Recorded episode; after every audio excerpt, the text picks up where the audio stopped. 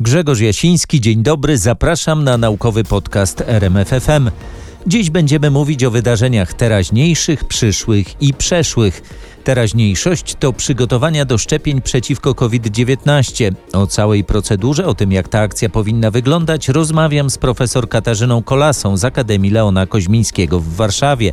Przyszłość to misja sondy JUICE do Księżyców Jowisza. W 2022 roku sonda zabierze ze sobą m.in. aparaturę polskiej firmy Astronika. O tej aparaturze i jej testach opowiada mi Piotr Palma. Przeszłość wreszcie to losy laureatów Nagród Nobla, którzy wywodzą się z terenów obecnej i byłej Rzeczypospolitej. O naszych noblistach rozmawiam z autorami wydanej właśnie książki pod tym tytułem Marią i Przemysławem Pilichami.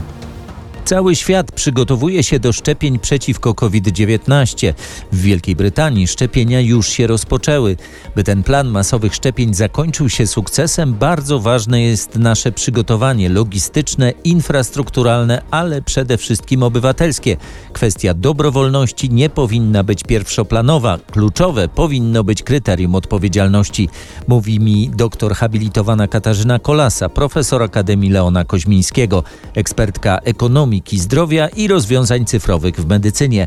Jak przekonuje, szybki przebieg prac nad szczepionkami nie powinien nas niepokoić, nie oznacza bowiem pogorszenia standardów ich kontroli. Na początek chcę zapytać o ogólny proces, który będzie następował zanim dostaniemy tę szczepionkę. Wiemy, że Wielka Brytania już ją zaakceptowała.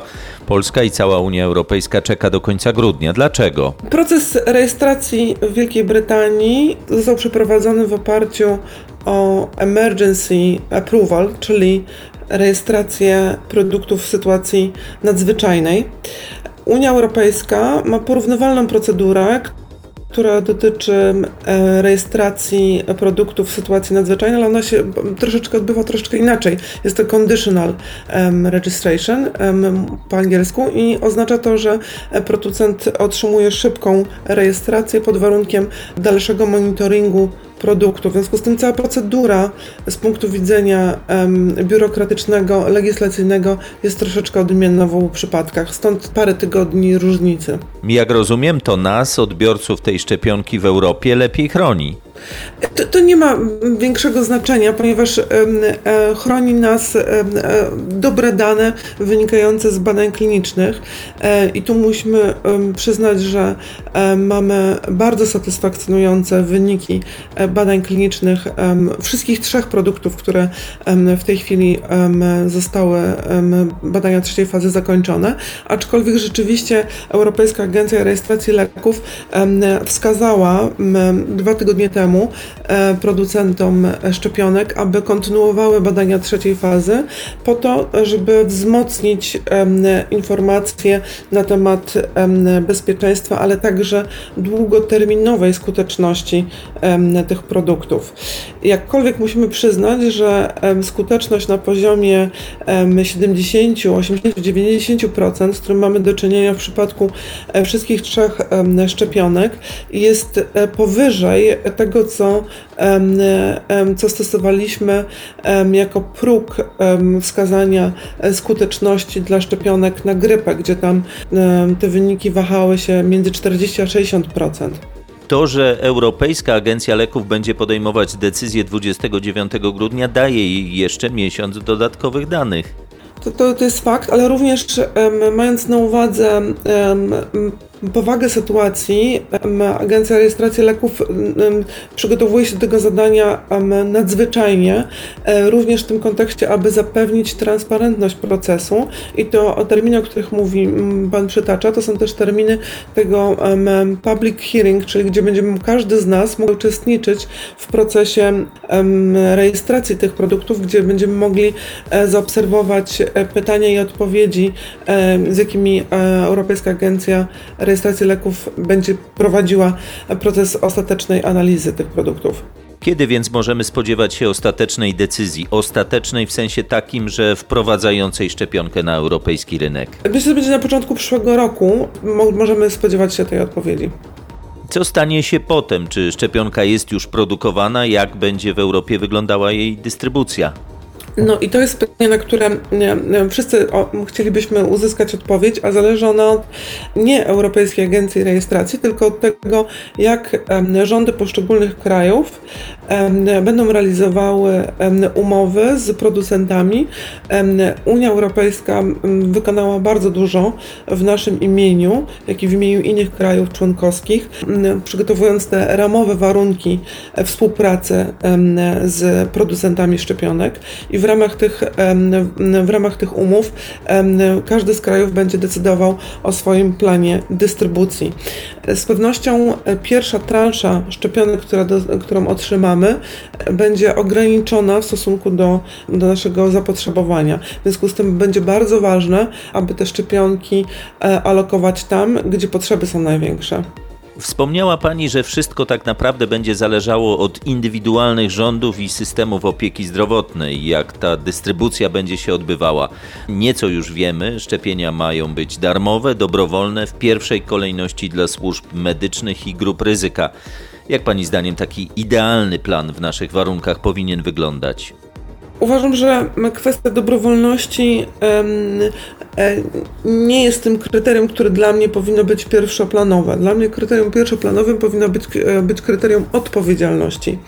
Odpowiedzialności za zdrowie własne, jak i też za, za zdrowie osób, z którymi e, potencjalnie możemy zarażać. I, i to kryterium odpowiedzialności każdego z nas powinno być determinantem do tego, jak będziemy dystrybuować tą szczepionkę.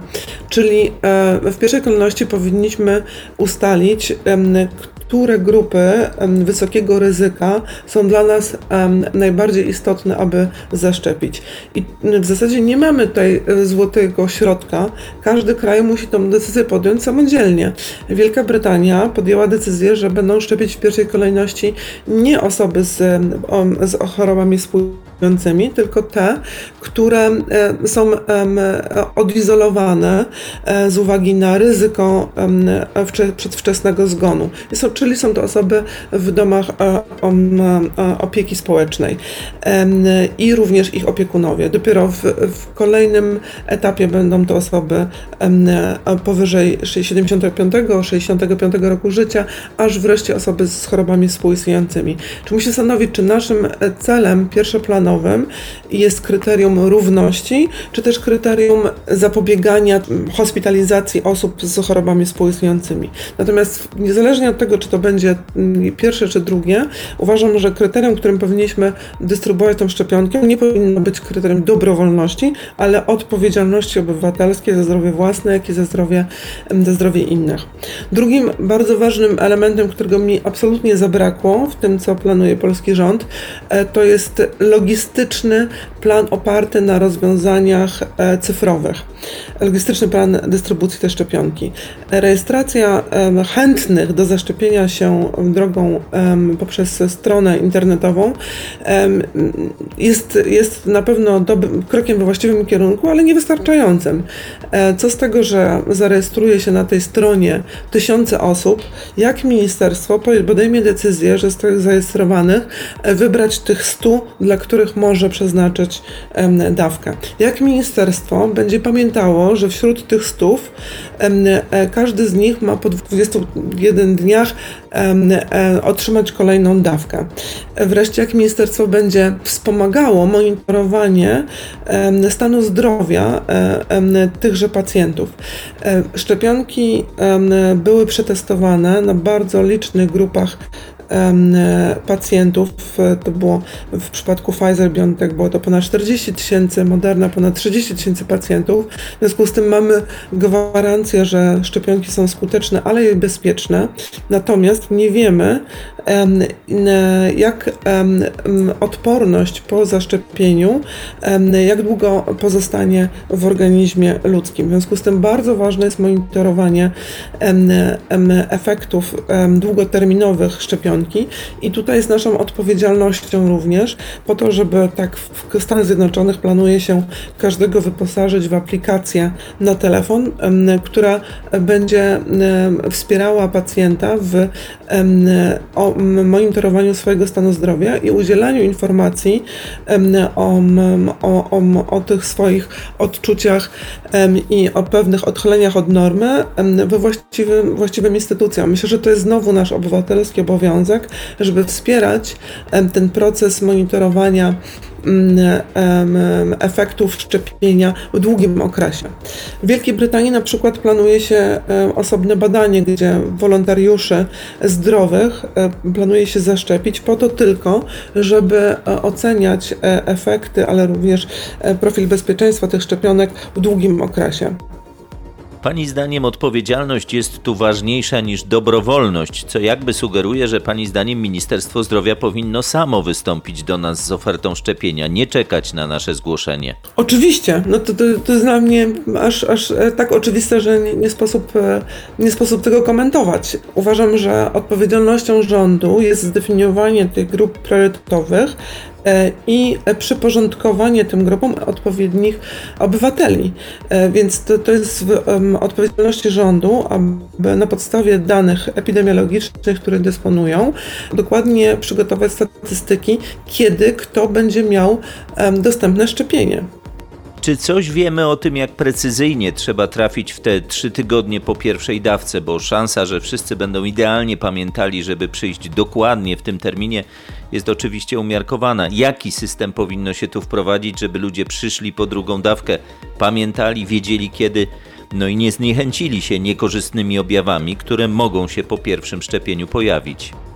Ponadto należy pamiętać, że pierwsze szczepienie nie uodparnia nas na wirusa, w związku z tym dalej będziemy musieli nosić maseczki i dalej chronić się przed potencjalnym zakażeniem. Dopiero druga dawka będzie decydowała naszej odporności na wirusa to, jak przypominać, zachęcać i monitorować do, do, do przyjmowania tej ostatecznej dawki, Stany Zjednoczone e, przygotowują cały schemat monitorowania, wysłania SMS-ów, wysłania monitów tym pacjentom. W związku z tym stąd moja, moja podpowiedź odnośnie odpowiedzialności, a nie dobrowolności, bo trudno zrozumieć postawę obywatelską osoby, która przyjmie pierwszą dawkę, a nie przyjmie drugiej, e, bo zapomniała albo się zniechęciła z uwagi na to, że odczuwała podwyższoną temperaturę przez 3 dni po uzyskaniu pierwszej dawki. W związku z tym nie może być dobrowolności e, w sytuacji takiego zagrożenia, jakim, jakim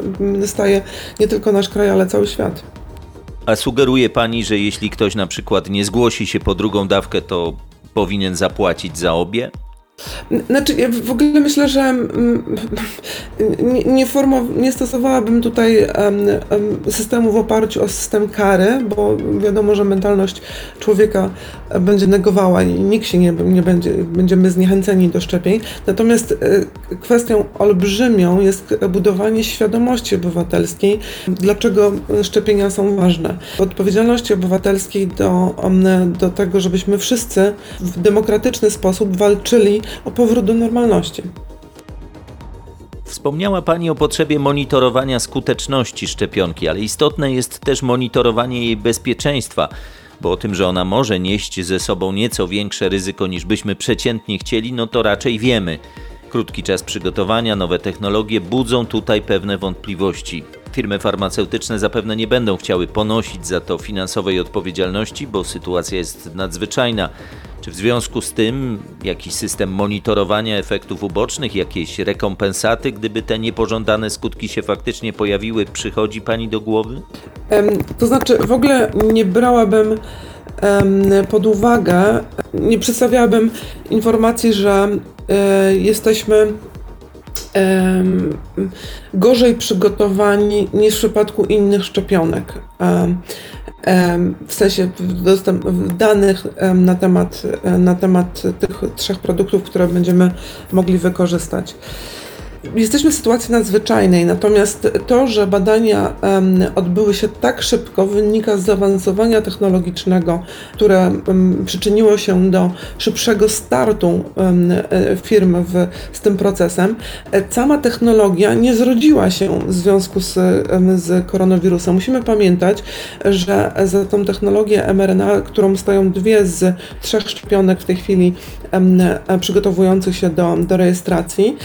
Jest to technologia, która była wykorzystywana i była w badaniach naukowych od ponad 10 lat. Notabene autorstwa węgier, węgierskiego naukowca. Z ciekawości też warto pamiętać, że firma Biontech, która zajęła się tą e, pracą nad tą szczepionką, rozpoczęła swoje, swoje starania już w styczniu, czyli znacznie wcześniej e, niż wszyscy, e, wszyscy, wszyscy inni naukowcy, korzystając właśnie z tego dobrodziejstwa badań naukowych prowadzonych wiele lat wcześniej. A, a firma Pfizer ma wielo, wielo, wielokrotne doświadczenia z przygotowania badań nad szczepieniami. Myślę, że nie, nie możemy zakładać, że przy, przygotowane wyniki e, fazy trzeciej odbiegają od standardów wcześniejszych szczepień. Wręcz przeciwnie, możemy być, e, patrzeć na to z optymizmem, że zastosowana technologia jest bezpieczniejsza niż, niż stosowane do tej pory ponieważ nie bazuje na, na, na mm, wirusie, tylko na jego genetycznym materiale i nasz organizm sam buduje odporność na podstawie, na podstawie tego. W związku z tym ja tutaj jestem optymist, optymistką i nie widzę zagrożenia, ponieważ jeżeli by były skutki uboczne, byłyby one uwidocznione w badaniach klinicznych, a po drugie każda z tych firm, które przygotowały szczepienia ma na świadomość e, odpowiedzialności, e, z, z jaką składają dokumentację do rejestracji i potencjalnych konsekwencji, jeżeli jakiekolwiek dane pozostawiają znaki zapytania. Więc myślę, że musimy zaufać producentom, zarówno zaufać Europejskiej Agencji Rejestracji Leków, e, tak to ufamy wszystkim innym procesom rejestracji. Tutaj to jest sytuacja nadzwyczajna, pozwoliła na uruchomienie tych badań w, w trybie natychmiastowym, bez żadnych czerwonych świateł, z maksymalnym finansowaniem budżetowym. Stąd otrzymaliśmy wyniki tak szybko. Nie dlatego, że, że pewne uchybienia zostały wprowadzone. Wyniki otrzymaliśmy szybko. Jak szybko dostaniemy konkretną szczepionkę? Wracam jeszcze do pytania o proces produkcji. Pfizer deklaruje miliard 300 milionów dawek w przyszłym roku. Czy produkcja już trwa, a oni są gotowi, by je tak po prostu spakować i wysłać? Tak, tak. Oni, oczywiście produkcja trwa. W wielu europejskich e, fabrykach w Belgii, czy w Niemczech i Austrii. W związku z tym myślę, że możemy zaufać projekcji ilości szczepionek.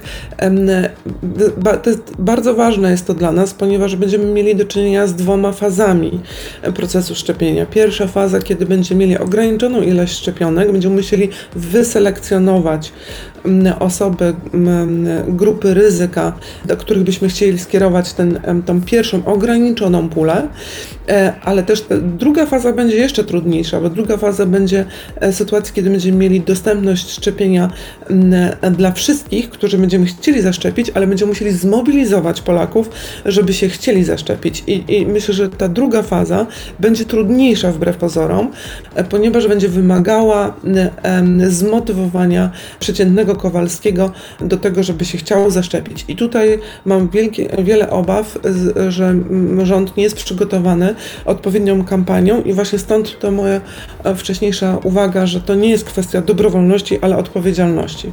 Tylko na tej podstawie ten projekt ma, się ma, ma prawo się zakończyć sukcesem. Firma Pfizer z BioNTech mówią wyraźnie, że są w stanie zapewnić szczepienia wszystkim potrzebującym, tak aby je zrealizować do końca wakacji przyszłego roku. Ale po to, żeby ten plan zakończył się sukcesem, jest bardzo ważne nasze przygotowanie logistyczne, infrastrukturalne, ale przede wszystkim obywatelskie. Mówi mi doktor habilitowana Katarzyna Kolasa, profesor Akademii Leona Koźmińskiego, ekspertka ekonomiki zdrowia i rozwiązań cyfrowych w medycynie. Instrumenty stworzone przez firmę Astronika na potrzeby misji JUICE, jednej z dwóch największych misji realizowanych przez Europejską Agencję Kosmiczną, opuszczają w tym miesiącu Polskę i rozpoczynają swoją drogę w kosmos. Instrumenty zostaną pod koniec roku zainstalowane na sondzie, która w 2022 roku wyleci w kierunku Jowisza. Mimo pandemii w tym projekcie nie ma miejsca na opóźnienia. Z inwestorem na budowie można jeszcze dyskutować, ale z układem słonecznym nie ma dyskusji. Trzeba zdążyć na określony moment, kiedy planety są w określonym układzie, mówi mi Piotr Palma z Astroniki. Zacznijmy od samej misji JUICE. Kiedy się rozpoczyna i czemu ma służyć? Misja JUICE poleci w, według y, bieżącego planu w czerwcu 2022 roku i to jest misja do księżyców Jowisa, do lodowych księżyców Jowisa. Dlaczego w tamto miejsce i, i, i jak, akurat dlaczego do takich ciał niebieskich, to wynika z tego, że to są y, bardzo interesujące obiekty z, z, z w zasadzie trzech powodów. Jeden to jest kwestia samego układu jowiszowego, który jest tak zwaną planetą gigantem, czy też gazowym gigantem i lepsze poznanie środowiska takiej planety i również księżyców, które jej towarzyszą, powoduje, że nasza wiedza o planetach gigantach jest coraz lepsza, a tak się składa, że dość dużo tego typu planet odkrywamy w układach pozasłonecznych. I lepsze zrozumienie tego naszego gazowego giganta, którego mamy w naszym układzie słonecznym, powoduje, że jesteśmy w stanie lepiej rozumieć te nowo odkrywane światy gdzieś tam daleko. Kolejna, kolejny powód, który bardziej skupia się już na samych tych księżycach lodowych, jest taki, że one zostały wytypowane pod kątem tego, że Badania wskazują na to, że mają bądź też mogą mieć pod powierzchniami swoimi oceany płynną wodę, w związku z tym są tak zwanymi potencjalnymi, potencjalnie zamieszkiwalnymi, czy też potencjalnymi siedliskami i właśnie ten aspekt, to znaczy możliwość istnienia tam warunków pozwalających podtrzymać życie jest tym, który powoduje, że tak interesujące jest ich eksplorowanie. E, to, co jest również bardzo istotne, to to, że e, jeden z księżyców e, Jowisza ma swoją własną małą magnetosferę. To jest nietypowe jak na księżyce. I to powoduje, że jego też środowisko, interakcje jego z Jowiszem są bardzo interesujące i rozbudowane. Po prostu mm, lepsze rozumienie relacji magnetycznych między Jowiszem a Ganymedem powoduje, że mamy mm, dodatkową wiedzę i lepiej rozumiemy e, interakcje chociażby nasze ze Słońcem, w sensie naszej magnetosfery ziemskiej ze Słońcem, ponieważ jeżeli patrzymy z tej perspektywy właśnie elektromagnetycznej, to jest szereg takich cech y, tego układu Jowisz Ganymedes, które tworzą, które powodują, że możemy powiedzieć, to jest tak miniatura niektórych interakcji elektromagnetycznych, które Ziemia ma ze Słońcem, tudzież Słońce z Ziemią. Należałoby w tą stronę patrzeć, bo to jednak Słońce jest tutaj dominujące w tych relacjach. Y, jeżeli rozpatrujemy pola magnetyczne, y, interakcje w plazmie, czyli to, co między innymi będzie badać misja JUICE i przede wszystkim właśnie interakcje e, plazmy z polem magnetycznym i zachowanie się e, plazmy i emisji radiowych z plazmy z tym, co będą mierzyć przyrządy, mm, które są konstruowane w Ostronicy. Co to za aparatura? Proszę więcej o niej powiedzieć. Przyrządy, które budujemy, e, to są w sumie cztery urządzenia, które są na, e, na zewnątrz satelity, to one zbierają sygnały. E, natomiast stanowią część większego zespołu przyrządów, ponieważ są połączone z komputerem sterującym, z układami zbierającymi dane e, z tych urządzeń i to, to tam następuje obróbka danych i że tak wyrażę, samo wykonywanie operacji na, na pomierzonych danych. Zespół, który dostarcza te przyrządy, to jest konsorcjum badawcze RPWI, które jest prowadzone przez szwedzki Instytut IRFU w Uppsali. Przyrządy, które my dostarczamy, to są te, które mają złożoną budowę mechaniczną, to znaczy te, w których są poruszające się mechanizmy. Urządzenia, które budujemy, mają tą cechę, że są w trakcie startu rakiety złożone, poskładane w stanie zamkniętym na czas startu i zblokowanym. Natomiast po osiągnięciu orbity i przejściu wstępnych testów, one się rozkładają, to znaczy stają się dużo większe, rozsuwają się. I to jest to, w czym się specjalizujemy, to znaczy mechanizmy pozwalające na rozkładanie, rozstawianie czujników, rozsuwanie wysięgników. I cztery wysięgniki o długości rzędu 3 metrów, które mają na końcu tak zwane sondy Langmira. To są wysięgniki, dzięki którym te sondy są odsunięte od samego satelity o tych kilka metrów, dzięki czemu umożliwiają wykonywanie pomiarów pola elektrycznego w pewnej odległości od satelity.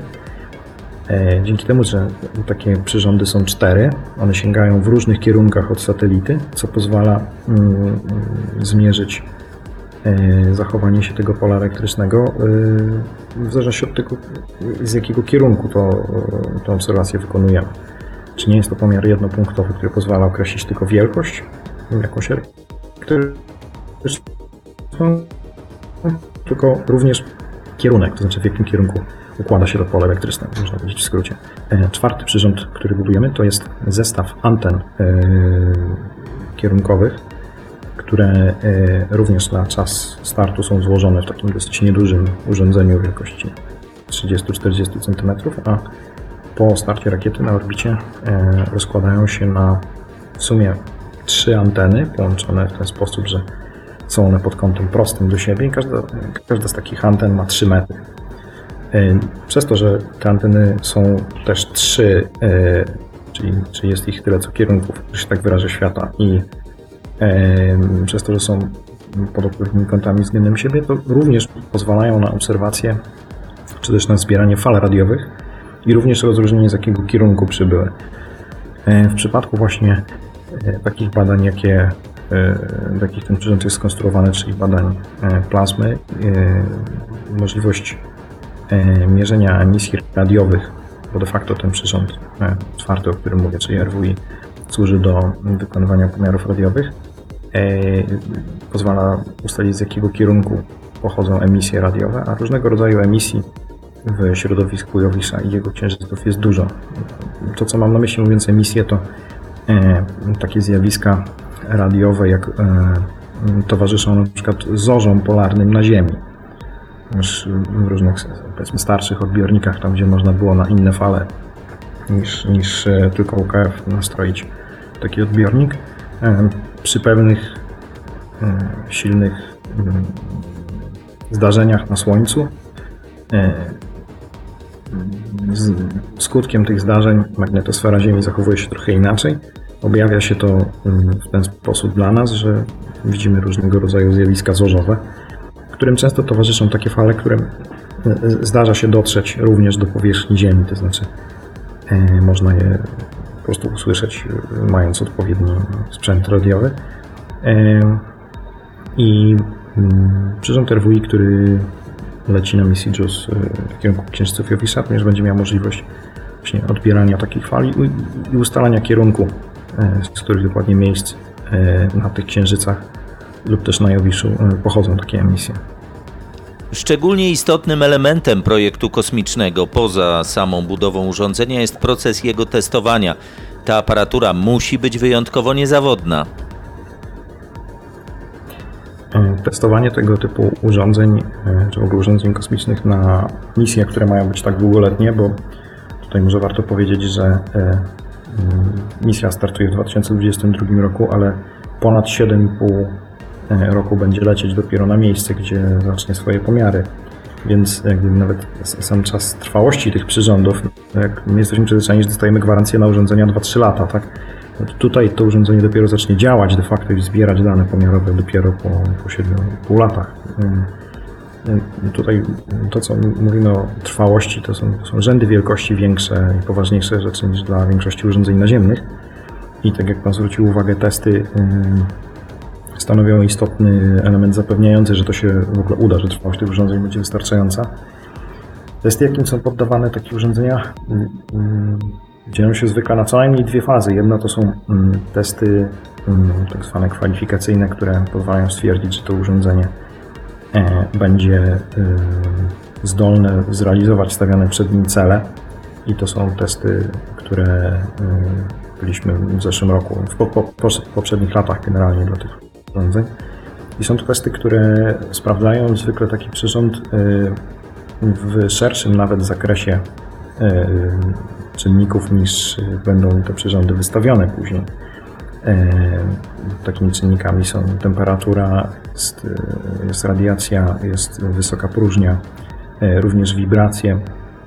To, co jest szczególnie istotne z punktu widzenia mechanizmów, to jest właśnie poprawne przejście przez fazę startu rakiety, ponieważ ona jest niezwykle brutalna, że się tak wyrażę, dla mechanizmów. Poziomy wibracji, jakich doświadczają, czy, czy, czy jakie są, jakim są poddawane przyrządy zamontowane na, na satelicie i sam satelita są, są, są potworne. To są bardzo wielkie, e, bardzo mocne wstrząsy o dużych częstotliwościach. No, jeżeli wyobrazimy sobie, że rakieta de facto jest jednym wielkim ładunkiem wybuchowym, który po prostu przez kilka, kilkanaście minut ciągle, w sposób ciągły płonie gdzieś tam u dołu, no to jestem w stanie sobie wyobrazić, że jest to nie tylko huk, ale same wibracje też w strukturze są olbrzymie.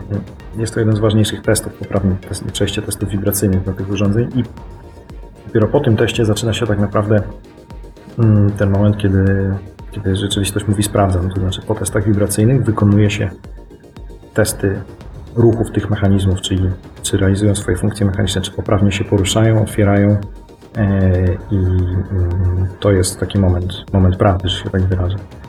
E, druga faza testów, e, którą, którą przechodzi każdy taki mechanizm, to są testy akceptacyjne i to już są testy wykonywane na tym finalnym egzemplarzu, który zostanie przekazany do instalacji na satelicie.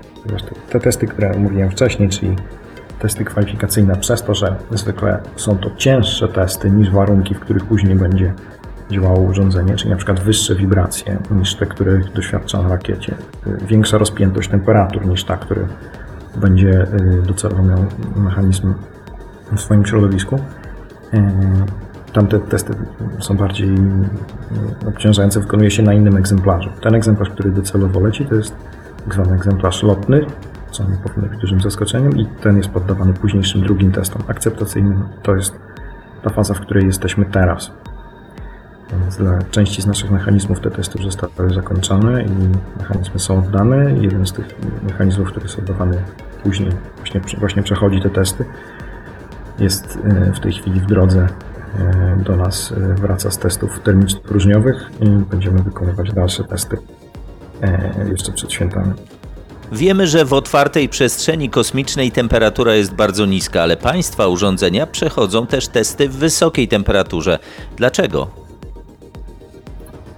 E, dlatego, mm, mm, że mm, w kosmosie nie mamy takich możliwości chłodzenia e, satelity i urządzeń na nim zamontowanych, jakie mamy na Ziemi. E, natomiast mamy jeszcze większe natężenie światła słonecznego, ponieważ nie ma tam, jesteśmy ponad atmosferą, tak? Jesteśmy wystawieni na dużo intensywniejsze oświetlenie słoneczne. Natomiast poddawanie y, temperatury w kosmosie, czyli chłodzenie satelit nie jest, nie jest taką prostą sprawą. Ponadto y, trzeba pamiętać, że tak długie, duże misje, czy misje na tak duże odległości jak misja JUICE korzystają często z tak zwanych asyst grawitacyjnych, czyli z rozpędzania satelity za pomocą grawitacji planet mijanych po drodze i misja JUICE będzie wykorzystywać asystę grawitacyjną od Wenus, która jak wiemy jest dużo bliżej Słońca niż Ziemia. Jest, jest to miejsce, gdzie ten satelita będzie nagrzewany jeszcze bardziej niż tutaj na orbicie ziemskiej zaraz po starcie rakiety, więc również mm, to, co jest dla misji JUICE charakterystyczne, to to, że nie tylko bardzo niskie temperatury, jakich należy się spodziewać w środowisku Jowisza, ale również te wysokie, które mm, urządzenia muszą wytrzymać po drodze, mijając Wenus, są istotne. To się wydaje dosyć nieintuicyjne, że najpierw lecimy bliżej Słońca, czyli zbliżamy się do Wenus po to, żeby dolecieć dalej, no bo Jowisz jest jednak pięć, pięciokrotnie dalej niż Ziemia e, od Słońca, ale tak planuje się współcześnie misję i jest to dużo korzystniejsze e, niż próba e, dostania się do Jowisza tylko i wyłącznie na napędzie z paliwa w rakiecie, czyli wyłącznie na napędzie że tak wyrażę, ziemskim, dostarczonym w postaci paliwa, tylko okazuje się, że bardziej korzystne jest również skorzystanie z asyst grawitacyjnych, nawet jeśli oznacza to mm, wstępnie zbliżenie się, czyli polecenie dalej od Jowisza, no bo zbliżenie się do Wenus jest de facto oddaleniem się od celu chwilowym, po to, żeby tam nabrać prędkości i sprawniej dotrzeć do Jowisza. Jaki wpływ na Państwa pracę miała pandemia koronawirusa? W takim projekcie na opóźnienia raczej nie można sobie pozwolić. Kwestia w ogóle e, tego, mm, na, na ile mm, rozpatruje się opóźnienia w misji, no jest zupełnie inna niż w projektach naziemnych, no bo nawet jeśli buduje się jakąś, jakieś, jakąś, jakiś wielki projekt na Ziemi, tak powiedzmy, wiem, wielką zaporę albo yy, buduje się nowy port cokolwiek, to, to jednak tutaj te bariery wynikające z opóźnień są, są podyktowane czynnikami, które są raczej decyzją ludzką. Natomiast w przypadku misji kosmicznych y, czas startu jest precyzyjnie dobrany mm, ze względu na wzajemne położenie planet. Tak jak mówiłem wcześniej, żeby w ogóle móc skorzystać z tych asyst grawitacyjnych po drodze, to trzeba w odpowiedniej fazie nie tylko roku ziemskiego, ale całego cyklu obiegu planet y, wokół Słońca y, wykonać start, więc y, tutaj de facto nie ma dyskusji, tak? No powiedzmy, że z inwestorem na budowie, który chce mieć oddany hotel w terminie, no można jeszcze dyskutować, ale z układem słonecznym nie ma dyskusji, po prostu trzeba zdążyć na określony moment, gdy planety są w określonym układzie. Więc tutaj, żeby y, poprawnie odbyła się cała misja JUICE, bardzo dużo wysiłków zostało włożonych w to, żeby te skutki utrudnionych y, wizyt zminimalizować. I bardzo dużo pracy odbywa się zdalnie w ten sposób, że e, zespół, który miał testować urządzenie, e, przekazuje urządzenie do testów no, zespołowi, który obsługuje e, dane urządzenia testowe, tak jak na przykład w przypadku testów termiczno-próżniowych obsługuje komody próżniowe. I dzięki dokładnie wykonanym i opisanym procedurom postępowania e, oraz możliwości uczestniczenia wideo zdalnie w pracach tego zespołu testującego na miejscu. No, zespół, e, który konstruował przyrząd i miał przeprowadzić te testy, jest w stanie e, asystować zespołowi, który faktycznie te testy przeprowadzi, pomimo tego, że pierwotnie nie było takiego planu i to się udaje. Wymaga to trochę innego planowania, ale ale zdaje egzamin, to się sprawdza, to, to się sprawdza, jest to, jest to coś, dzięki czemu jesteśmy w stanie przeprowadzić ten, ten projekt w taki sposób, który nie wpływa na, e, na datę oddania tego przyrządu. I jeszcze na koniec y, wiem, że nie uczestniczył Pan w pracach nad Kretem, który poleciał z sondą InSight na Marsa, ale chciałbym zapytać, jak doświadczenia poprzednich projektów wpływają na te kolejne? To to, o czym Pan wspomniał, czyli wpływ poprzednich projektów na, na obecne i na przyszłe, to jest yy, kwestia, która jest tak istotna, że w zasadzie trudno ją oddzielić yy, i powiedzieć, jak mógłby wyglądać projekt, gdyby nie było tych poprzednich. Yy, doświadczenia są na wszystkich poziomach, czyli jakby we wszystkich aspektach takiego projektu, zarówno technicznych, tworzenie coraz lepszych projektów, od strony samej inżynierskiej, dobór materiałów, rozwiązań technicznych, metod zapewnienia jakości, prowadzenia testów. Wszystkie te kwestie, mm, które zostają zrealizowane w poprzednich projektach, wnoszą wiedzę do następnych projektów. również takie kwestie jak chociażby sposób organizowania projektu czy prowadzenia dokumentacji, której jest bardzo wiele.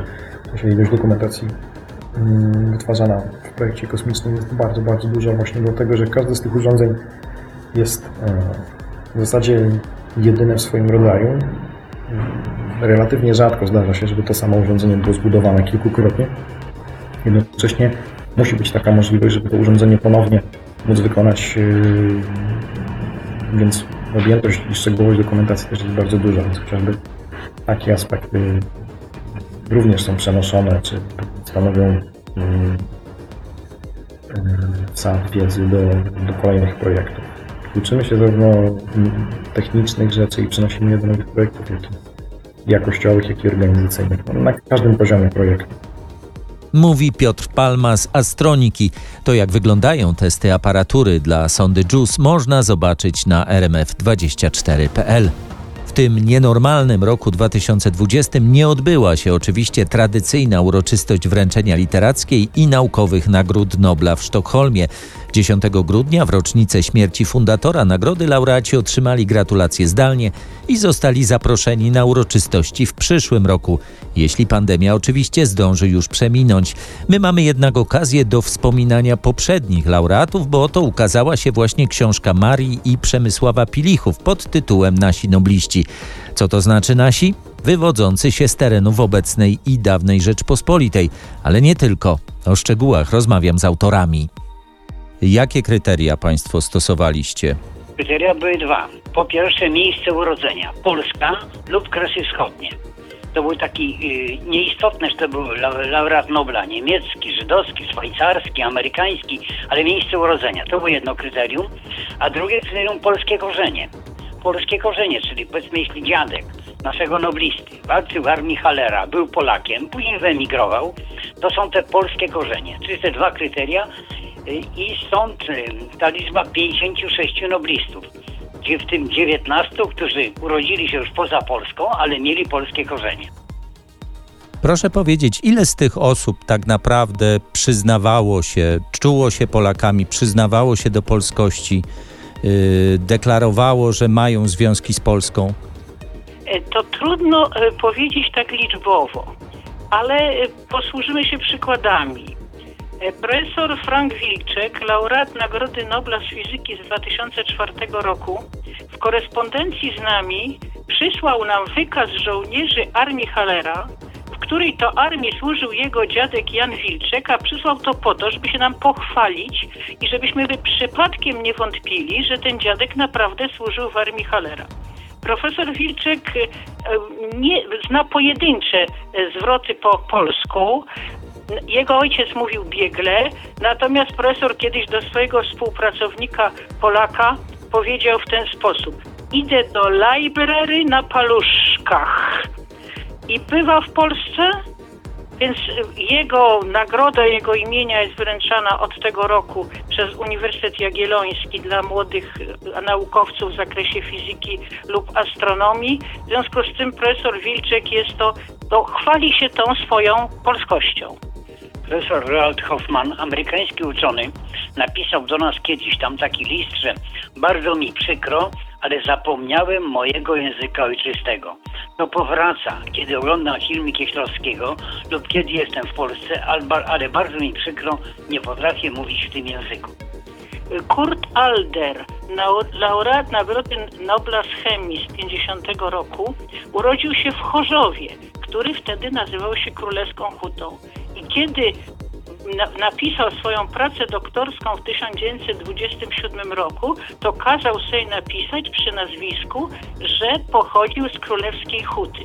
I tu warto jeszcze taką śmiesznostkę powiedzieć, taką anegdotkę, że jest tablica na domu w Chorzowie, gdzie Alder się urodził, ale nie jest to postać taka ogromnie znana w swoim mieście. I jedna z mieszkanek tej kamienicy, na której jest tablica, powiedziała kiedyś dziennikarzowi tak, że mój syn miał napisać pracę o jakimś słynnym chorzowianinie i wtedy Alder się przydał. To czasem Warto są... jeszcze tu jedną, jedną postać po, opowiedzieć, to jest Tadeusz Reichstein, który imię ma po Kościuszce. On się urodził we Włocławku, i zawsze o sobie mówił tak, że jest, jestem Szwajcarem polsko-żydowskiego pochodzenia. I kiedy dwa lata przed swoją śmiercią, miał wtedy 95 lat, przyjechała do niego polska delegacja naukowa, żeby dać mu medal imienia Kopernika, to on wtrącał do rozmowy zwroty polskie e, i bardzo wspominał swój rodzinny Włocławek. A jest to postać ogromnie zasłużona, bo w zasadzie jemu się zawdzięcza to, że możemy teraz w każdej aptece za niezbyt wysoką cenę kupić sobie witaminę C. To są czasem takie historie, które i tym laureatom odsłaniają pewne tajemnice. Czy zdarzyło się Państwu y, zwrócić do kogoś z pytaniami i, i to jakby y, pozwoliło mu zdać sobie sprawę z tego, że ma pewne związki z, z tą ziemią, z tą krainą? Tak, profesor Ciechanower z Izraela, jak wynika z nazwiska rodem z Ciechanowa, nie miał pojęcia o swoich korzeniach, skąd jego nazwisko, y, gdzie mieszkali i to w jaki sposób dzięki nam y, zapoznał się z tymi korzeniami. Profesor y, von Klitzing tak, profesor Klitzing to jest bardzo ciekawa postać, ponieważ on się urodził w środzie Wielkopolskiej i był bardzo malutkim chłopcem, miał około półtora roku, jak z tej środy wyjechali. Ale on w środzie Wielkopolskiej bywa, e, tam ma przyjaciół. E, w Środzie Wielkopolskiej, w tysiąc, e, kiedy było 90-lecie szpitala miejscowego w 2006 roku, tam odsłonięto tablicę poświęconą Klittingowi. I to jest w zasadzie, można tak żartobliwie powiedzieć, nasza robota.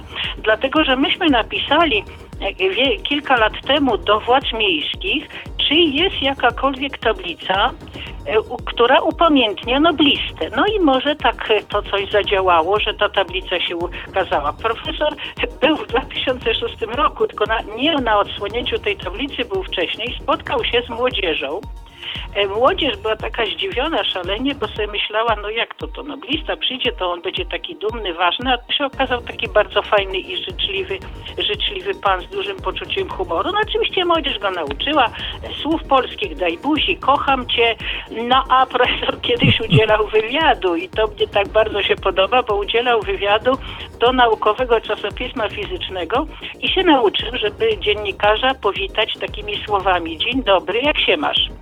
E, no i rozmowa potem toczyła się w obcym języku, a pan dziennikarz sobie na końcu napisał, że noblista świetnie zna język polski. No, no nie zna, ale poza tym jest to bardzo, bardzo fajna sprawa. E, parę lat temu miała miejsce, bo jak z kolei było stulecie tego szpitala, to też profesora Klittingana na to zaproszono. No ale to jest niezwykle, ruch, że tak powiem, ruchliwy naukowiec. On bardzo dużo jeździ z wykładami i w Polsce w bardzo wielu miastach miał wykłady, e, więc on nie mógł przyjechać, ale przekazał pieniądze na, na ręce burmistrza, żeby burmistrz dał te pieniądze dziecku, które urodziło się w dniu jego urodzin.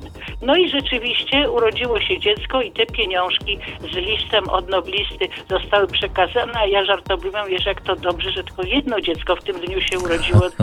8 czerwca, bo wtedy byłby problem, komu pieniądze przekazać. Z niektórymi z tych noblistów Państwo macie jakby taki trochę bliższy, głębszy yy, związek, korespondujecie z nimi. No właśnie, to jest profesor Klitzing, z którym korespondujemy. Profesor Klitzing jest bardzo zadowolony jakoś z tego, że się o nim mówi. Dostał tę naszą książkę, no to bardzo dziękował za to, że no na pewno było mu przyjemnie, bo tam jest na okładce jego, jego zdjęcie. W niezłym towarzystwie, powiedzmy sobie szczerze.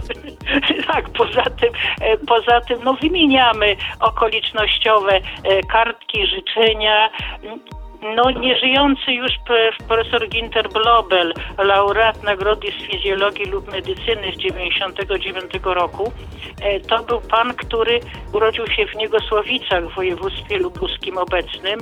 Jest tam honorowym obywatelem tej gminy Niegosławice. W Polsce mieszkał 9 lat.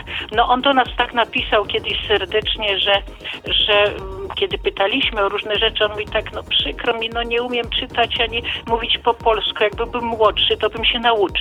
No on miał 9 lat, jak z Polski wyjechał, ale ciekawostką jest, że na wielu zdjęciach jest przedstawiany jako niezwykle elegancki pan, a jego studenci wspominali, że ponieważ był miłośnikiem opery, a równocześnie no, takim fanatykiem troszkę naukowym, to można go było spotkać w super eleganckim smokingu, kiedy w laboratorium przygotowywał sobie doświadczenia na wykłady następnego dnia.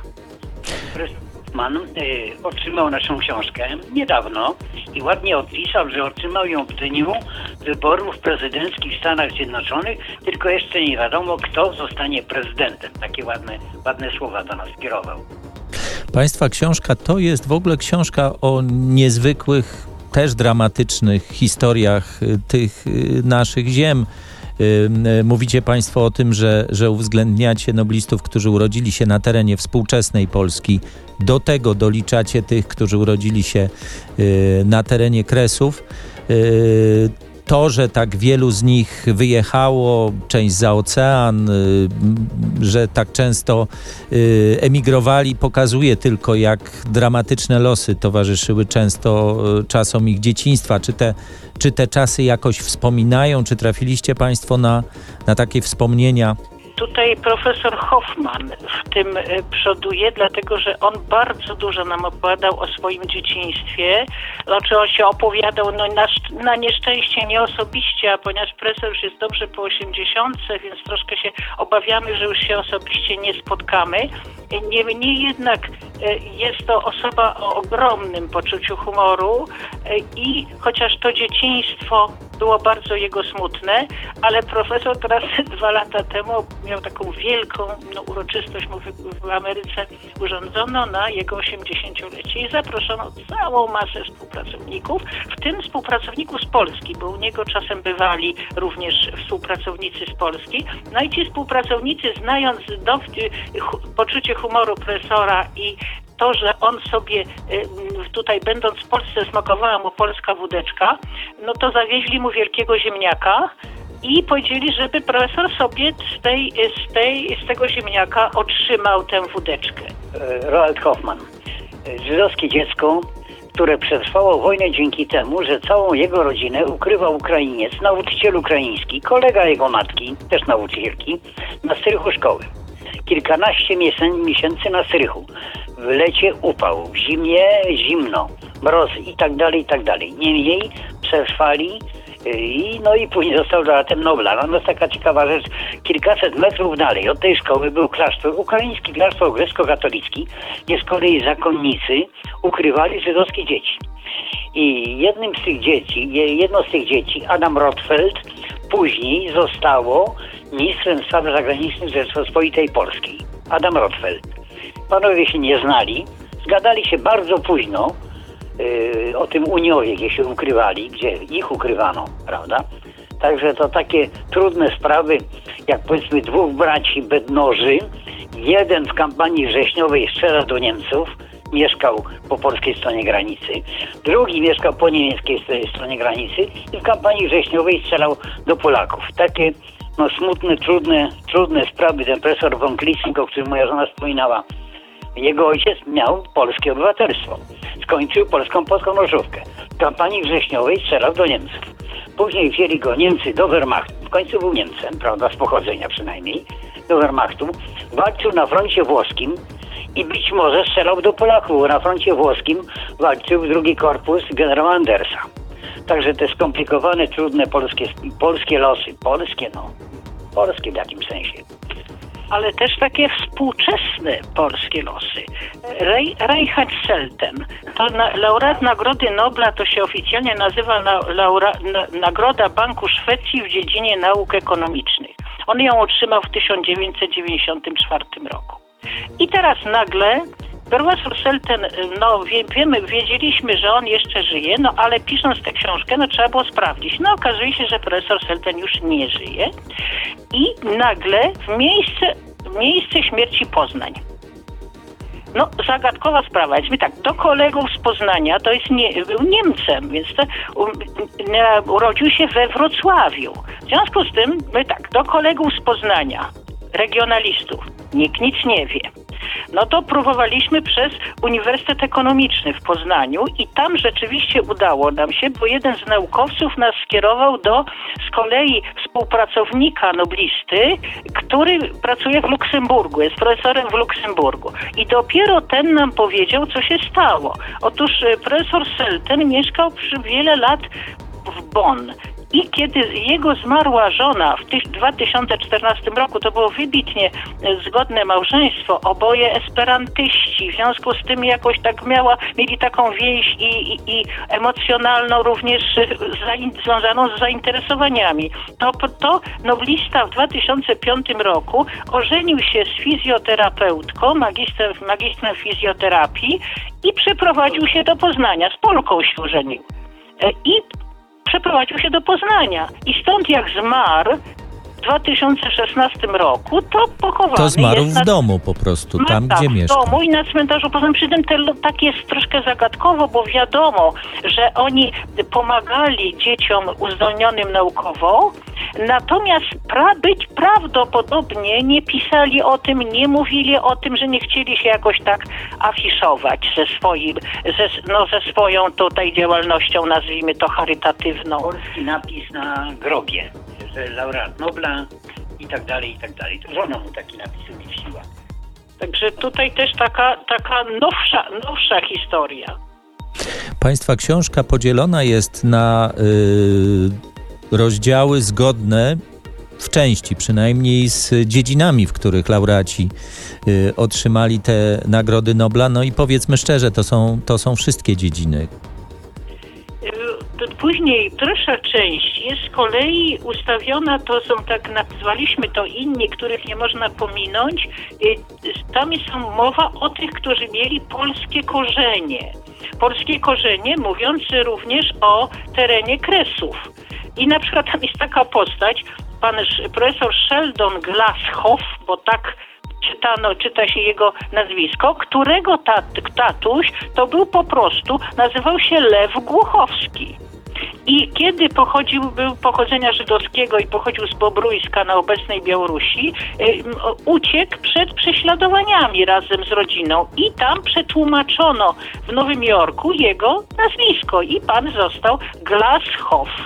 A y, był bardzo wspierał swojego syna naukowo i zrobił mu laboratorium, urządził mu w piwnicy i przyszły noblista, to był noblista z fizyki z 79 roku, napisał takie zdanie, że nigdy później nie wykonywał tak niebezpiecznych doświadczeń, jak w tym laboratorium, które, któremu urządził ojciec. Państwo w swojej książce y, uwzględnili oczywiście y, najnowszą y, laureatkę Nobla z Polski, Olgę Tokarczuk, ale też jedną z poprzednich laureatek w dziedzinie literatury. Tak, my jesteśmy zauroczeni i na pewno nie tylko my, panią Wisławą Szymborską. Z jej można by w zasadzie napisać całą książkę na temat e, różnych fajnych, ciekawych i sympatycznych powiedzeń pani Szymborskiej. Natomiast e, takie są ciekawostki. E, Szwedzcy dziennikarze podczas uroczystości wręczenia jej Nagrody Nobla nazwali ją Greta, Greta Garbo poezji. E, Kiedy, kiedy w 2018 roku odkryto gatunek otwornic, takie, takie malutkie stworzenia, mikroorganizmy, to na, nazwano tę otwornicę, ten gatunek Cyrea szymborska. Dlatego, że Wisława Szymborska napisała wiersz Otwornice i w związku z tym na, na jej cześć uzgodniono. I kiedy pani, Wisła, pani Wisława Szymborska została zaproszona na uroczystość, na udział, bo już ją wszędzie zapraszali. Ona nawet sama żartowała, że, że punktem programu wycieczek do Krakowa to jest zwiedzanie Szymborskiej, bo wszyscy chcieli do niej przyjść. Y, To ona w ten sposób odpowiedziała. Ona odpowiedziała tak. Miotły używam wyłącznie w celach komunikacyjnych. Za zaproszenie dziękuję. Proszę jeszcze mi powiedzieć o, bo y, oczywiście dla, dla Polaków najsłynniejszą noblistką jest y, y, Maria Skłodowska-Curie i, i no, jest wyjątkową postacią w skali Nagrody Nobla. Y, swoją otrzyma, swoje otrzymała już ponad 100 lat temu, a przecież y, tak naprawdę y, ciągle jest rekordzistką. Mm, Ale Państwa zdaniem zbyt mało uwagi poświęcamy jej córce. W 2013 roku 15 tysięcy internautów nazwało Marię Skłodowską-Curie Polką Wszechczasów, bo to był plebiscyt Muzeum Historii Polski i miesięcznika Mówią Wieki. Natomiast Irena, jej córka, ona cały czas była związana z, z, z badaniami swojej matki. Ona w 1911 roku towarzyszyła matce podczas od, od, odbioru przez Marię Nagrody Nobla. Nie przypuszczając, że taką samą nagrodę odbierze w 1935 roku ze swoim mężem. To była druga po matce kobieta, laureat naukowej Nagrody Nobla. Pierwsza taka sytuacja, gdzie dostały je razem matka i córka.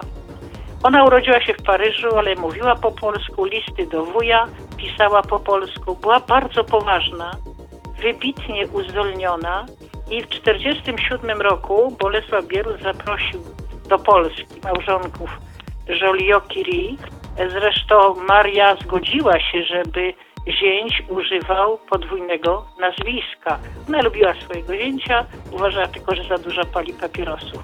A dla mnie taką najbardziej wzruszającą jest sprawa, kiedy po śmierci żony, po śmierci Ireny, jej mąż Fryderyk Joliot-Curie powiedział w ten sposób strasznie tęsknię za Ireną. O noblistach polskiego pochodzenia albo wywodzących się z terenów obecnej lub dawnej Rzeczypospolitej opowiadali autorzy książki Nasi Nobliści, państwo Maria i Przemysław Pilichowie. Tyle na dziś i tyle w tym niesławnym 2020 roku. Życzę zdrowych i szczęśliwych świąt Bożego Narodzenia i jak najbardziej normalnego już roku 2021. Zapraszam na kolejny naukowy podcast RMFFM. Do usłyszenia.